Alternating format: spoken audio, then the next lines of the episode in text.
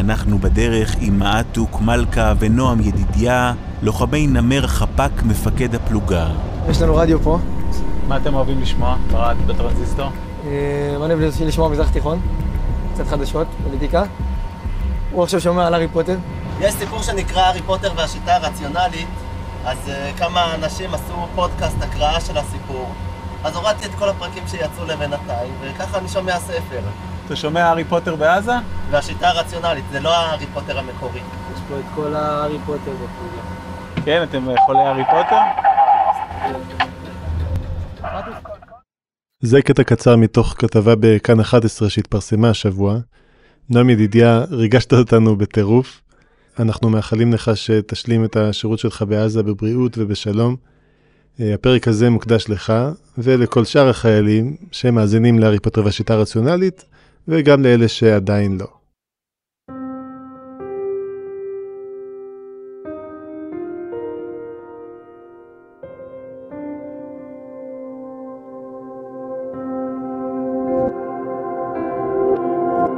הארי פוטר והשיטה הרציונלית, פרק 62, ניסוי הכלא של סטנפורד, סיום.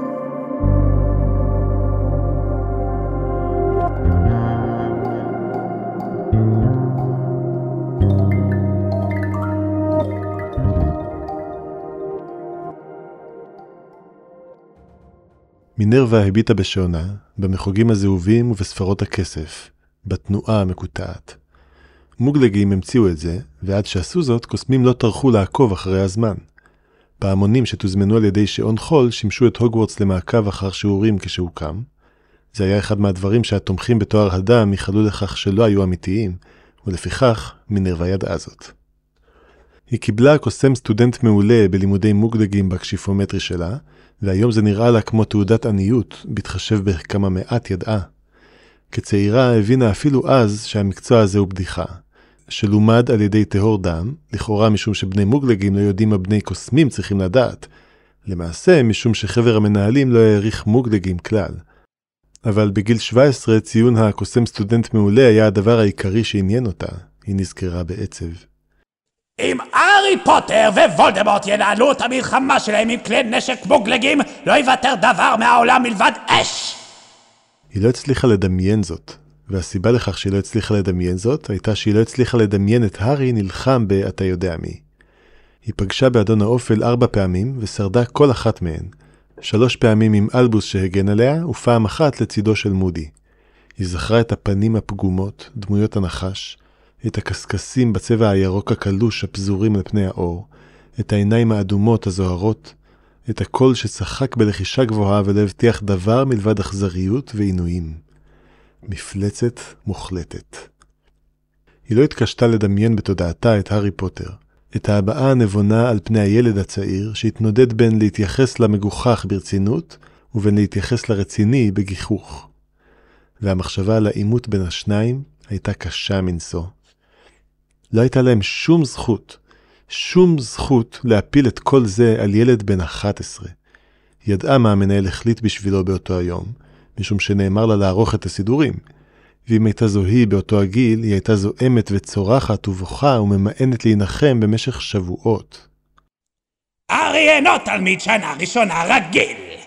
הוא מסומן כשווה לאדון האופל, וברשותו כוח שאדון האופל אינו מכיר.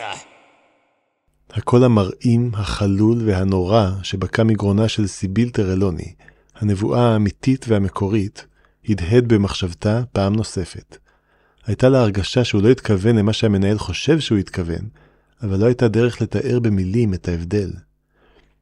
ואף על פי כן, מה שעדיין היה נכון, זה שאם ישנו ילד בן 11 על פני האדמה שמסוגל לשאת בעול הזה, הרי שהילד הזה מתקרב למשרדה כעת. ואם היא תאמר משהו כמו הארי המסכן בפניו, ובכן, הוא לא יאהב זאת. אז עכשיו אני צריך למצוא דרך כלשהי להרוג קוסם אופל בן על מוות, אמר הארי ביום שבו גילה.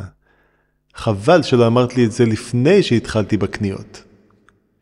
היא הייתה ראש בית גריפינדור במשך מספיק זמן, וראתה מספיק מחבריה המתים, כדי לדעת שיש אנשים שלא ניתן להצילם מלהפוך לגיבורים. נשמעה נקישה על הדלת, ופרופסור מגונגל אמרה, יבוא. כשהארי נכנס, על פניו הייתה אותה הבעה קרה ודרוכה שראתה בפונדק של מרי. והיא תהתה האם הוא עטה את המסכה הזו, את העצמיות הזו, לאורך כל היום? הילד הצעיר התיישב על הכיסא שלפני שולחנה ואמר, אז, הגיע הזמן שיגידו לי מה קורה? המילים היו ניטרליות, לא חדות כפי שציפתה מהבעת פניו. עיניה של פרופסור מגונגל התרוממו בהפתעה לפני שהצליחה לעצור בעצמה, והיא שאלה, המנהל לא אמר לך דבר, מר פוטר? הילד הניד בראשו. רק שקיבל אזהרה שאני עלול להיות בסכנה, אבל שאני בטוח כעת. מינרווה התקשתה לפגוש במבטו. איך הם יכולים לעשות לו את זה? איך הם יכולים להניח זאת על כתפיו של ילד בן 11, את המלחמה הזו, את הגורל הזה, את הנבואה הזו, והם אפילו לא בטחו בו? היא הכריחה את עצמה להביט בהארי ישירות, וראתה שעיניו הירוקות היו רגועות בעודן בוחנות אותה. פרופסור מגונגל, אמר הילד בשקט, מר פוטר, חוששני שאין זה מתפקידי להסביר, אבל אם אחרי זה המנהל עדיין לא מגלה לך דבר, אתה רשאי לבוא אליי ואני אלך לצעוק עליו בשבילך. עיניו של הילד התרחבו, חלק מהארי האמיתי ניבט מהסדק לפני שהמסכה הקרירה שבה למקומה. בכל מקרה, אמרה פרופסור מגונגל בנימה עניינית. צר לי על אי הנוחות, מר פוטר, אבל עליי לבקש ממך להשתמש במחולל הזמן שלך כדי לחזור שש שעות אחורה בזמן, לשעה שלוש אחר הצהריים, ולהעביר את ההודעה הבאה לפרופסור פליטיק. כסף על העץ. בקש מהפרופסור לכתוב את השעה שבה העברת לו את ההודעה. לאחר מכן המנהל רוצה לפגוש אותך כשיהיה לך נוח. השתררה שתיקה. ואז הילד אמר, אני חשוד בשימוש לרעה במחולל הזמן שלי אם כך, לא על ידי, אמרה פרופסור מגונגל בחיפזון, אני באמת מתנצלת על אי הנוחות, מר פוטר. השתררה שתיקה נוספת, ואז הילד הצעיר משך בכתפיו.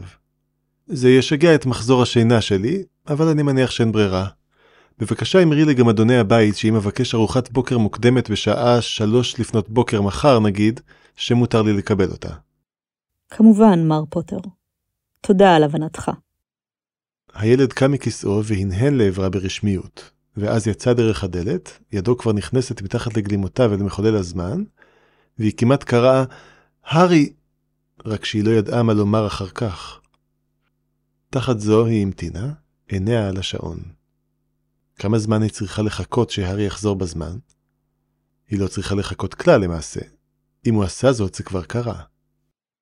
מינרווה הבינה אז שהיא משתהה משום שהיא עצבנית. מעשי קונדס, כן, מעשי קונדס בלתי אפשריים עם זהירות וחשיבה קדימה של אבן נופלת. היא לא ידעה איך הילד הצליח לשתות במצנפת שלא תמיין אותו לבית גריפינדור אליו השתייך בבירור. אבל לא משהו אפל או פוגע, לעולם לא. מתחת למעשי הקונדס הללו זרם טוב הלב שלו, עמוק ויציב כמו זה של התאומים ויזלי, אם כי אפילו קללת קרושיאטוס לא הייתה יכולה לגרום לה לומר זאת בקול רם. Expecto Patronum. היא אמרה, ואז, לך אל פרופסור פליטיק, ואמור לי את תשובתו לאחר שתאמר זאת. האם מר פוטר נתן לך הודעה ממני? מה הייתה ההודעה? ומתי קיבלת אותה? שעה אחת מוקדם יותר, לאחר שהשתמש בסיבוב האחרון שנותר במחולל הזמן שלו ועטה את גלימת ההיעלמות, הארי השיב את שעון החול לחולצתו. והחל לצעוד לעבר הצינוק של סלידרין, הולך מהר ככל שרגליו הבלתי נראות אפשרו לו מבלי לרוץ. למרבה המזל, משרדה של סגנית המנהל היה בקומה הנמוכה בהוגוורטס. כמה גרמי מדרגות לאחר מכן, לאחר שירד שתי מדרגות בבת אחת, אך לא שלוש, הארי עצר במסדרון שמעבר לעיכול האחרון, שבו נמצאה הכניסה לחדר המועדון של סלידרין. הארי תלש חתיכת קלף, לא נייר, מהגביל שלו, הוציא עט ציטוט, לא עט רגיל, מהנרתיק שלו, ואמר לעת הנוצה, רשום את האותיות הללו בדיוק כפי שאני אומר אותן.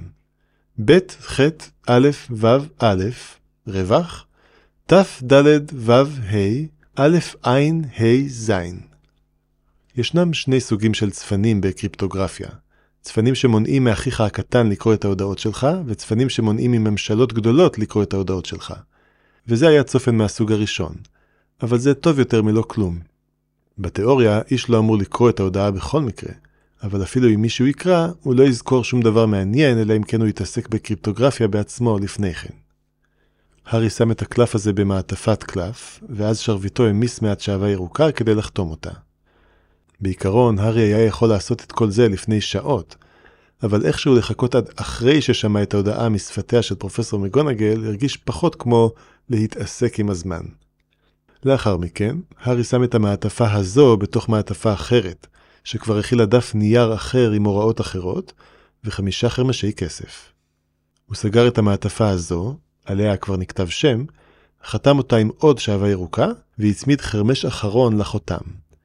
ואז הארי שם את המעטפה הזו בתוך המעטפה האחרונה, עליה נכתב באותיות גדולות השם מרי טבינגטון. הארי הציץ מעבר לעיכול אל הדיוקן הזועף ששימש כדלת לחדר המועדון של סלידרין. משום שלא רצה שהדיוקן יזכור שלא ראה מישהו בלתי נראה, הארי השתמש בלחש הריחוף כדי להרחיב את המעטפה אל הגבר הזועף, ונקש עליו בעזרתה. הגבר הזועף הביט מטה אל המעטפה, מסתכל מבעד למשקף, ואז נאנח והסתובב לעבר חדר המועדון של סלידרין, וקרא הודעה למרי טווינגטון. המעטפה הורשתה ליפול לרצפה. כמה רגעים לאחר מכן דלת הדיוקן נפתחה, ומרי הרימה את המעטפה מהרצפה. היא תפתח אותה ותמצא חרמש ומעטפה המיועדת לתלמידה בשנה הרביעית ששמה מרגרט בלסטרוד. סלידרינים עשו דברים כאלה כל הזמן, וחרמש בהחלט העיד על משלוח בהול. מרגרט תפתח את המעטפה שלה ותמצא חמישה חרמשים בנוסף למעטפה שעליה להשאיר בכיתה ריקה, לאחר שתשתמש במחולל הזמן שלה כדי לחזור חמש שעות אחורה בזמן. שם תמצא חמישה חרמשים נוספים ממתינים לה אם תגיע לשם במהירות. והארי פוטר בלתי נראה ימתין בכיתה הזו משעה שלוש עד שעה שלוש וחצי אחר הצהריים, למקרה שמישהו ינסה את הבדיקה הברורה. טוב, היא הייתה ברורה לפרופסור קווירל בכל אופן. בנוסף, היה ברור לפרופסור קווירל שא', למרגרט בלסטרוד יש מחולל זמן, וב', היא לא מחמירה במיוחד בסינון הסיבות להשתמש בו, כמו לדוגמה לספר לאחותה הקטנה פיסות רכילות עסיסיות במיוחד, לפני שמישהו שמע אותן. חלק מהמתח נשאב מהארי כשהתרחק מדלת הדיוקן, עדיין בלתי נראה. איכשהו הצליח לדאוג בנוגע לתוכנית, אף על פי שידע שהיא כבר הצליחה. כל מה שנותר כעת הוא העימות עם דמבלדור, ואז הוא יסיים להיום. הוא ילך לגרגוילים של המנהל בשעה תשע בערב, מכיוון שלעשות זאת בשעה שמונה יהיה מחשיד יותר. כך יוכל לטעון שהוא פשוט לא הבין למה פרופסור מגונגל התכוונה כשאמרה אחר כך. כאב עמום אחז בליבו של הארי כשחשב על פרופסור מגונגל. אז הארי נסוג מעט יותר לתוך הצד האפל שלו, שעתה הבעה רגועה ושמר על פניו חופשיות מעייפות, והמשיך ללכת. יהיה מחיר לשלם, אבל לפעמים חייבים ללוות היום כל מה שאפשר, ולדאוג לתשלום מחר. אפילו הצד האפל של הארי הרגיש תשוש עד שגרם המדרגות הלולייני העלה אותו אל דלת האלון הגדולה שהייתה השער האחרון למשרדו של דמבלדור. אבל משום שהארי עבר כעת את שעת השינה הטבעית שלו בארבע שעות בצורה חוקית, היה בטוח להראות חלק מהעייפות שלו כעת, לפחות את הפיזית אם לא את הרגשית. דלת האלון נפתחה. עיניו של הארי כבר היו ממוקדות בכיוון השולחן הגדול, בכיסא הגדול שמאחוריו, לכן לקח להארי רגע עד שהבחין שהכיסא ריק ושהשולחן שומם, למעט ספר יחיד כרוך בכריכת אור. ואז הארי הסב את מבטו וראה את הקוסם עומד בינות לשליפציקים שלו, בינות למכשירים המסתוריים והלא ידועים שניצבו שם בעשרותיהם. פוקס ומצנפת המיון ניצבו במקומותיהם. אש עליזה התפצחה בגומחה שהארי לא הבין קודם לכן שהיא אח, והיו שם שתי המטריות ושלוש נעלי הבית לרגל שמאל. כל הדברים במקומם, נראים כרגיל, למעט הקוסם הזקן עצמו, שעמד זקוף ועטה גלימות בצבע שחור רשמי ביותר. זו הייתה תדהמה לעיניים. הגלימות הללו על האדם הזה, זה היה כאילו שהארי יראה את אביו לובש חליפת עסקים. אלבוס דמבלדור נראה עתיק מאוד, ומלא צער. שלום, הארי! אמר הקוסם הזקן. מתוך עצמי חלופי שהוחזק כמו מחסום על התת-הכרה, הארי תמים, שלא היה לו מושג מה קורה, היטה את ראשו בקור ואמר, המנהל. אני מניח ששמעת כבר מסגנית המנהל מגונגל, אז אם זה בסדר מצדך, באמת הייתי שמח לדעת מה קורה. כן, אמר הקוסם הזקן. הגיע הזמן, הארי פוטר. הגב התיישר רק מעט משום שהקוסם כבר עמד זקוף, אבל איכשהו אפילו השינוי הקטן הזה גרם לו להיראות גבוה ב-30 סנטימטרים. חזק, אם לא צעיר יותר, ומעורר יראת כבוד, אם לא מסוכן. עוצמתו התאספה סביבו כמו ברדס. בקול ברור, הוא דיבר. היום מתחילה המלחמה שלך כנגד הלורד וולדמורט! מה? אמר ההארי החיצוני שלא ידע דבר, בעוד משהו שצפה מתוכו חשב את אותו הדבר, רק עם הרבה יותר גסויות מצורפות. בלטריקס בלק נלקחה מאזקבאן. היא נמלטה מכלא שלא ניתן להימלט ממנו. זה מעשה שנושא את סימן ההיכר של וולדמורט, ללא ספק. והיא המשרתת הנאמנה ביותר שלו. היא אחת משלושה מרכיבים שעליו להשיג כדי לקום שוב בגוף חדש. אחרי עשר שנים האויב שהבסת שב, כפי שנחזה. אף אחד משני החלקים של הארי לא ידע מה לענות לזה, לפחות לא במשך השניות המעטות שהיו לפני שהקוסם הזקן המשיך. זה לא אמור לשנות לך הרבה לעת עתה. התחלתי להקים מחדש את מסדר עוף החול שישרת אותך. הזהרתי את המעטים שיכולים וצריכים להבין. אמיליה בונס, הלסטור מודי, ברטמיוץ קראוץ' וכמה אחרים. על הנבואה, כן, יש נבואה. לא גיליתי להם, אבל הם יודעים שוולדמורט חזר, והם יודעים שאתה תמלא תפקיד חיוני. הם ואני נילחם את המלחמה שלך במהלכי הפתיחה הקטנים שלה, בעודך מתחזק, ואולי אף מחכים, כאן בהוגוורטס. ידו של הקוסם הזקן התרוממה, כאילו מפצירה. אז בשבילך, לעת עתה, דבר לא משתנה, ואני מפציר בך להבין את הנחיצות. האם אתה מזהה את הספר שעל שולחני, הארי? החלק הפנימי של הארי צרח והטיח את ראשו כנגד קירות דמיוניים, בעוד הארי החיצוני פנה והביט במה שהתגלה כ... השתררה שתיקה ארוכה למדי, ואז הארי אמר, זה עותק של שר הטבעות מאת J.R.R. טולקין. זיהית ציטוט מהספר הזה. אמר דמבלדור, מבט דרוך בעיניו. אז אני מניח שאתה זוכר אותו היטב. אם אני טועה, תקן אותי. הארי פשוט בהה בו. חשוב להבין שהספר הזה איננו תיאור מציאותי של מלחמת קוסמים. ג'ון טולקין מעולם לא נלחם בוולדמורט. המלחמה שלך לא תהיה כמו הספרים שקראת. החיים האמיתיים שונים מסיפורים. האם אתה מבין, הארי? הארי הנהן בהסכמה באיטיות מה, ואז הניד בראשו לשלילה. במיוחד, ישנו דבר טיפשי מסוים שגנדלף עושה בספר הראשון. הוא עושה טעויות רבות, הקוסם של טולקין, אבל ישנה אחת שהיא בלתי נסלחת. הטעות היא זו, כשגנדלף חשד לראשונה, אפילו אם לרגע, שפרודו אוחז בטבעת האחת, הוא היה צריך להעביר את פרודו לרבנדל מיד. ייתכן שהיה מובך. הקוסם הזקן הזה, לו חשדותיו היו מתבדים. ייתכן שהיה לו לא נעים לצוות זאת על פרודו, ופרודו היה טורח טרחה רבה, והיה נאלץ להשעות תוכניות ושעשועים רבים. אבל מבוכה קטנה, אי נעימות וטרחה, אין כאין וכאפס לעומת הפסד במלחמה כולה, שהנזגול עטים על הפלך בעודך קורא מגילת עתיקות במין הסטרית ולוקחים את הטבעת. ואין זה פרודו לבדו שהיה נפגע. כל הארץ התיכונה הייתה נופלת לעבדות אם לא היה זה רק סיפור. הרי הם היום מפסידים במלחמה שלהם. האם אתה מבין את מה שאני אומר? אה... אמר הארי, לא בדיוק.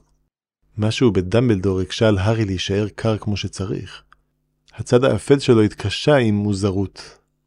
אז אומר זאת מפורשות! אמר הקוסם הזקן, קולו היה חמור, עיניו עצומות. גנדלף עצמו היה צריך להעביר את פרודו לרבנדל מיד, ופרודו לעולם לא היה צריך לעזוב את רבנדל בלי משמר. לא היה אמור להיות שום ליל אימה בברי, לא שפלות התילים, לא פסגת הרוחות בה פרודו נפצע, הם היו עלולים להפסיד את כל המלחמה שלהם במקרים הללו, עקב טיפשותו של גנדלף. האם אתה מבין מה אני אומר לך כעת, בנם של מייקל ופטוניה? וההארי שלא ידע דבר, הבין. וההארי שלא ידע דבר, ראה שזה הדבר החכם, הנבון, האינטליגנטי והשפוי, הדבר הנכון לעשות. וההארי שלא ידע דבר, אמר בדיוק מה שהארי תמים היה אומר, בעוד הצופה השקט צרח בבלבול ובייסורים. אתה אומר, אמר הארי, קולו רועד בעוד הרגשות בתוכו בוערים דרך הרוגע החיצוני, שאני לא חוזר הביתה להוריי לחג הפסחא. אתה כן תראה אותם שוב! אמר הקוסם הזקן במהירות. אבקש מהם לבוא לפה להיות איתך. אנעים את בקורם כמיטב יכולתי, אבל אתה לא הולך הביתה בחג הפסחא, הארי. אתה לא חוזר הביתה בקיץ. אסור לך ללכת לאכול ארוחות צהריים בסמטת דיאגון, אפילו עם פרופסור קוויר שמשגיח עליך. דמך הוא המרכיב השני שוולדמורט זקוק לו כדי לקום שוב נורא משהיה אי פעם. אז אסור לך לצאת אף פעם מתחומי ההגנות של הוגוורטס אם אין לך סיבה חיונית ומשמר חזק מספיק כדי להדוף כל התקפה למספיק זמן כדי שתוכל להגיע למקום מבטחים. דמעות החלו להיקוות בזוויות עיניו של הארי. האם זו בקשה? אמר קולו הרועד. או שזו פקודה? אני מצטער, הארי. אמר הקוסם הזקן ברכות. ההורים שלך יבינו את הצורך, אני מקווה. אבל אם לא, חוששני שאין להם מפלט. החוק, על אף שלא בצדק, לא מכיר בהם אפוטרופוסים שלך. אני מצטער, הארי, ואבין אם תשנא אותי על כך, אבל זה חייב להיעשות. הארי הסתובב, הביט בדלת, הוא לא הצליח להביט עוד בדמבלדור, לא בטח בפניו שלו. זה המחיר מעצמך, אמר האפלפף בתודעתו, שמצטרף למחירים שגבית מאחרים. האם זה ישנה את נקודת המבט שלך על העניין, כמו שפרופסור קווירל חושב שזה יעשה? בצורה אוטומטית, המסכה של הארי התמים אמרה בדיוק את מה שהיה אומר. האם ההורים שלי בסכנה? האם צריך להעביר אותם לפה? לא! אמר קולו של הקוסם הזקן. אינני חושב כך! אוכלי המוות למדו לקראת סוף המלחמה לא לתקוף את המשפחות של חברי המסדר ואם וולדמורט פועל בלי תומכיו הקודמים הוא יודע שאני הוא זה שמקבל את ההחלטות לעת עתה והוא יודע שלא אתן לו דבר אם יאיים על משפחתך לימדתי אותו שאינני נכנע לסחיטה, ולכן הוא לא ינסה. הארי הסתובב בחזרה וראה קור על פניו של הקוסם הזקן. קור שהתאים לשינוי בגוון קולו. עיניו הכחולות של דמבלדור נעשו קשות כפלדה מאחורי המשקפיים. זה לא התאים לאישיות, אבל זה התאים לגלימותיו השחורות הרשמיות. זה הכל אם כך? שאל קולו הרועד של הארי. מאוחר יותר הוא יחשוב על כך, מאוחר יותר הוא יחשוב על מהלך נגדי מחוכם, מאוחר יותר הוא ישאל את פרופסור קווירל אם יש דרך לשכנע את המנהל שהוא טועה. ברגע זה, כל הריכוז של הארי הושקע בלשמר את המסכה. וולדמורט השתמש בחפץ מוגלגי כדי להתמלט מאסקבן. הוא בוחן אותך ולומד ממך, הארי פוטר, בקרוב מאוד אדם בשם ארתור ויזלי ממשרד הקסמים יפיץ צה"ל שאוסר להשתמש בחפצים מוגלגים בקרבות של המורה להתגוננות מפני כוחות האופל. בעתיד, כשיהיה לך רעיון טוב, שמור אותו לעצמך. זה לא נראה חשוב בהשוואה. הארי פשוט הנהן ושאל שוב, זה הכל? השתררה שתיקה. בבקשה. אמר הקוסם הזקן בלחישה. אין לי שום זכות לבקש את סליחתך, הארי ג'יימס פוטר אבנס ורס, אבל בבקשה, לפחות תאמר שאתה מבין למה! דמעות נקבו בעיניו של הקוסם הזקן. אני מבין, אמר קולו של הארי החיצוני, שבאמת הבין. כלומר, סוג של חשבתי על זה בכל מקרה.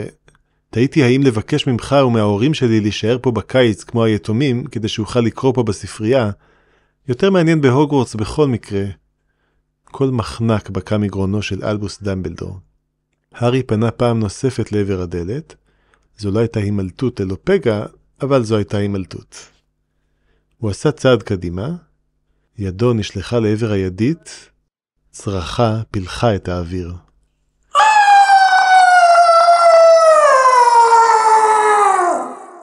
כאילו בהילוך איטי, כשהארי הסתובב, הוא ראה את עוף החול מרחף לעברו לאורך החדר. מהארי האמיתי עלה גל של פאניקה, הוא לא חשב על זה, הוא לא צפה את זה, הוא היה מוכן להתמודד עם דמבלדור, אבל הוא שכח את פוקס. שלוש פעמים היכו כנפיו של עוף החול, כמו התגברות והיחלשות של אש. הזמן עבר לאט מדי בעוד פוקס עף מעל המכשירים המסתוריים לעבר הארי. והציפור האדומה זהובה ריחפה לפניו במשקי כנפיים עדינים, עולה ויורדת באוויר כמו שלהבת נר. מה העניין, פוקס? שאל הארי המזויף בבלבול, מביט בעיניו של עוף החול, כמו שהיה עושה אם היה חף מפשע.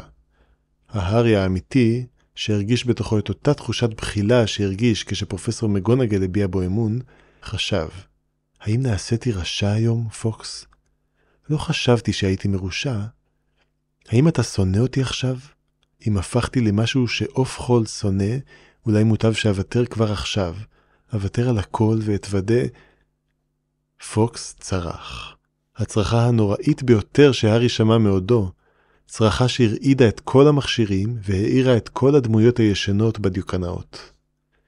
היא חדרה את הגנותיו של הארי כמו חרב מלובנת דרך חמאה, הקריסה את כל שכבותיו כמו בלון מנוקב שמתפוצץ, ערבבה את סדרי העדיפויות שלו ברגע כשנזכר בדבר החשוב מכל. הדמעות החלו לזלוג בחופשיות מעיניו של הארי, במורד לחייו, קולו נחנק כשהמילים יצאו מגרונו כאילו הקיא לבה. פוקס אמר, אמר קולו של הארי, הוא רוצה ש, שאני אעשה משהו בנוגע לאסירים באזקבן. פוקס, לא! אמר הקוסם הזקן. דמבלדור צעד קדימה, שולח יד מפצירה לעבר עוף החול. פניו של הקוסם הזקן היו נואשות כמעט כמו הצרחה של עוף החול. אתה לא יכול לבקש זאת ממנו, פוקס! הוא רק ילד! אתה הלכת לאזקבן, לחש הארי. לקחת את פוקס איתך, הוא ראה... אתה ראית... היית שם, אתה ראית... למה לא עשית דבר? למה לא שחררת אותם? כשהמכשירים הפסיקו לרעוד, הארי הבין שפוקס צרח יחד איתו, שעוף החול ריחף כעת ליד הארי והביט בדמבלדור לצידו, הראש האדום זהוב באותו הגובה כמו ראשו שלו. האם... לחש הקוסם הזקן. האם אתה באמת יכול לשמוע את קולו של עוף החול בכזאת צלילות? הארי בכה עד שכמעט ולא הצליח לדבר. על כל דלתות המתכת שעבר, על כל הקולות ששמע, על הזיכרונות הגרועים ביותר, על התחינות ששמע כשהתרחק, הכל התפרץ אל תודעתו כמו אש למשמע הצרחה של עוף החול. כל המחסומים הפנימיים התנפצו. הארי לא ידע האם הוא באמת יכול לשמוע את קולו של עוף החול בכזאת צלילות. האם היה מבין את פוקס אלמלא ידע כבר? כל מה שהארי ידע הוא שיש לו תירוץ סביר להעלות את כל אותם נושאים שפרופסור קווירל אמר לו שלעולם אסור לו להעלות בשיחה מאותו יום והלאה. משום שזה בדיוק מה שהארי חף מפשע היה אומר, היה עושה, לו באמת היה שומע בכזאת צלילות. הם סובלים, אנחנו מוכרחים לעזור להם! אני לא יכול! קרא אלבוס דמבלדור. הארי, פוקס, אני לא יכול! אין דבר שביכולתי לעשות! צרחה חודרת נוספת. למה לא? פשוט לך לשם ותוציא אותם! הקוסם הזקן קרע את מבטו מעוף החול. עיניו פוגשות באלו של הארי במקום זאת. הארי, תגיד לפוקס בשבילי! תגיד לו שזה לא כל כך פשוט! עופות חול הם לא סתם חיות, אבל הם כן חיות! הארי, הם לא מבינים! גם אני לא מבין, אמר הארי, קולו רועד. אני לא מבין למה אתה נותן לסוהרסנים אנשים למאכל. אזקבן זה לא כלא, זה חדר עינויים ואתה מענה את האנשים הללו למוות! פרסיבל! אמר הקוסם הזקן בקול ניחר. פרסיבל דמבלדור! אבי שלי, הארי! אבי שלי מת באזקבן! אני יודע! אני יודע שזו זוועה! אבל מה אתה רוצה שאעשה? שאשבור את אזקבן בכוח? האם תרצה שאכריז על מרד כנגד משרד הקסמים? השתררה שתיקה, וקולו הרועד של הארי אמר, פוקס לא יודע דבר על ממשלות, הוא פשוט רוצה שתוציא את האסירים מהתאים שלהם, והוא יעזור לך להילחם אם מישהו יעמוד בדרכך, ו... וגם אני המנהל, אני אלך איתך ואשמיד כל סוהרסן שיתקרב, נדאג בנוגע להשלכות הפוליטיות אחר כך, אני מתערב איתך שאתה ואני נוכל להתחמק מעונש. הארי! לחש הקוסם הזקן. עופות חול לא מבינים כיצד ניצחון בקרב עלול לגרום הפסד במערכה! דמעות זלגו במורד לחייו של הקוסם הזקן וטפטפו אל זקנו הכסוף. הקרב הוא כל מה שהם יודעים.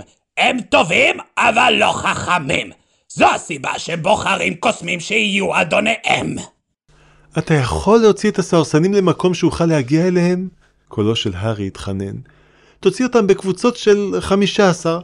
אני חושב שאני יכול להשמיד כמות כזו בלי לפגוע בעצמי? הקוסם הזקן הניד בראשו. היה קשה מספיק להחליק אובדן של אחד, הם אולי ייתנו לי עוד אחד, אבל לא שניים, הם נחשבים משאב לאומי, כלי נשק במקרה של מלחמה. זעם בער בהארי, בער כמו אש. ייתכן שהוא בקע מעוף החול שנח על כתפו כעת, וייתכן שהוא בקע מהצד האפל שלו, ושני הכעסים התערבבו בתוכו, החם והקר, וזה היה קול מוזר שאמר מגרונו, אמור לי משהו. מה הממשלה צריכה לעשות? מה המצביעים צריכים לעשות עם הדמוקרטיה שלהם? מה עם של מדינה צריך לעשות לפני שאהיה מוכרח להחליט שאני כבר לא בצד שלו? עיניו של הקוסם הזקן התרחבו בעודו בוהה בילד עם עוף החול על כתפו. הארי, האם אלה מילותיך שלך או של המורה להתגוננות? משום שצריכה להיות נקודה כלשהי, לא כך? אם זה לא אזקבן, אז מה היא? הארי, תקשיב, בבקשה תקשיב לי. קוסמים לא היו יכולים לחיות אם הם היו מורדים בכלל בכל פעם שהיו להם חילוקי דעות. תמיד יש משהו. אזקבן זה לא סתם משהו, זה רשע! כן, אפילו רשע. אפילו רשע מסוים, הארי, משום שקוסמים אינם טובים לגמרי. ועם זאת מוטב שנחיה בשלום מאשר בתוהו. ואם אני ואתה נשבור את אסקבן בכוח הזרוע, תהיה זו תחילתו של תוהו. האינך רואה זאת? קולו של הקוסם הזקן הפציר. וניתן להתנגד לרצונם של רעיך בגלוי או בסתר מבלי לשנוא אותם, מבלי להכריז עליהם כמרושעים ואויבים. אני לא חושב שאנשי המדינה הזו ראויים לכך ממך, הארי, ואפילו אם חלקם כן, מה עם הילדים? מה עם התלמידים בהוגוורטס? מה עם האנשים הטובים הרבים שמעורבבים ברעים? הארי הביט בחזרה בפוקס שעל כתפו. ראה את עיניו של עוף החול מביטות בו בחזרה. הן לא זהרו, אך עם זאת, הן בערו, להבות אדומות בים של אש זהובה. מה אתה חושב, פוקס? אמר עוף החול. פוקס לא הבין את השיחה. הילד הצעיר הביט בקוסם הזקן, ואמר בקול עבה, או שאולי עופות החול חכמים יותר מאיתנו, נבונים יותר, אולי הם עוקבים אחרינו בתקווה שיום אחד נקשיב להם, שיום אחד נקלוט את זה, שיום אחד פשוט נוציא את האסירים מהתאים שלהם. הארי הסתובב, פתח את דלת האלון במשיכה, צעד אל גרם המדרגות וטרק את הדלת מאחוריו. גרם המדרגות החל להסתובב. הארי החל לרדת. הוא הליט את פניו בידיו והחל לבכות. רק בחצי הדרך למטה הוא שם לב להבדל. הבחין בחום שמתפשט בו, והבין, פוקס? לחש הארי. שעוף החול עדיין נח על כתפו, עומד שם כמו שראה אותו עושה על כתפו של דמבלדור. הארי הביט פעם נוספת לתוך העיניים, להבות אדומות באש זהובה. אתה לא עוף החול שלי עכשיו, נכון? או, אמר הארי, קולו רועד במקצת. אני שמח לשמוע את זה, פוקס, משום שאני לא חושב שהמנהל... אני לא חושב שזה מגיע לו... הארי עצר ולקח נשימה. אני לא חושב שזה מגיע לו, פוקס. הוא ניסה לעשות את הדבר הנכון. אבל אתה כועס עליו ומנסה להבהיר לו נקודה. אני מבין. עוף החול הניח את ראשו על כתפו של הארי, וגרגויל האבן נע על הקוט הצידה כדי לאפשר להארי לעבור למסדרונות הוגוורטס. סוף פרק 62 הארי פוטר והשיטה הרציונלית נכתב על ידי אליעזר יודקובסקי, מבוסס על עבודתה של ג'יי קיי רולינג. תורגם לעברית על ידי קהילת רציונליות ישראל. מוגש על ידי דביר שדה. פרופסור מגונגל, מקריאה מתן רוב. פרופסור אלבוס דמבלדור ופוקס עוף החול, איתמר קסנר. דיוקן חדר המועדון של סלית'רין, יצחק שטרן.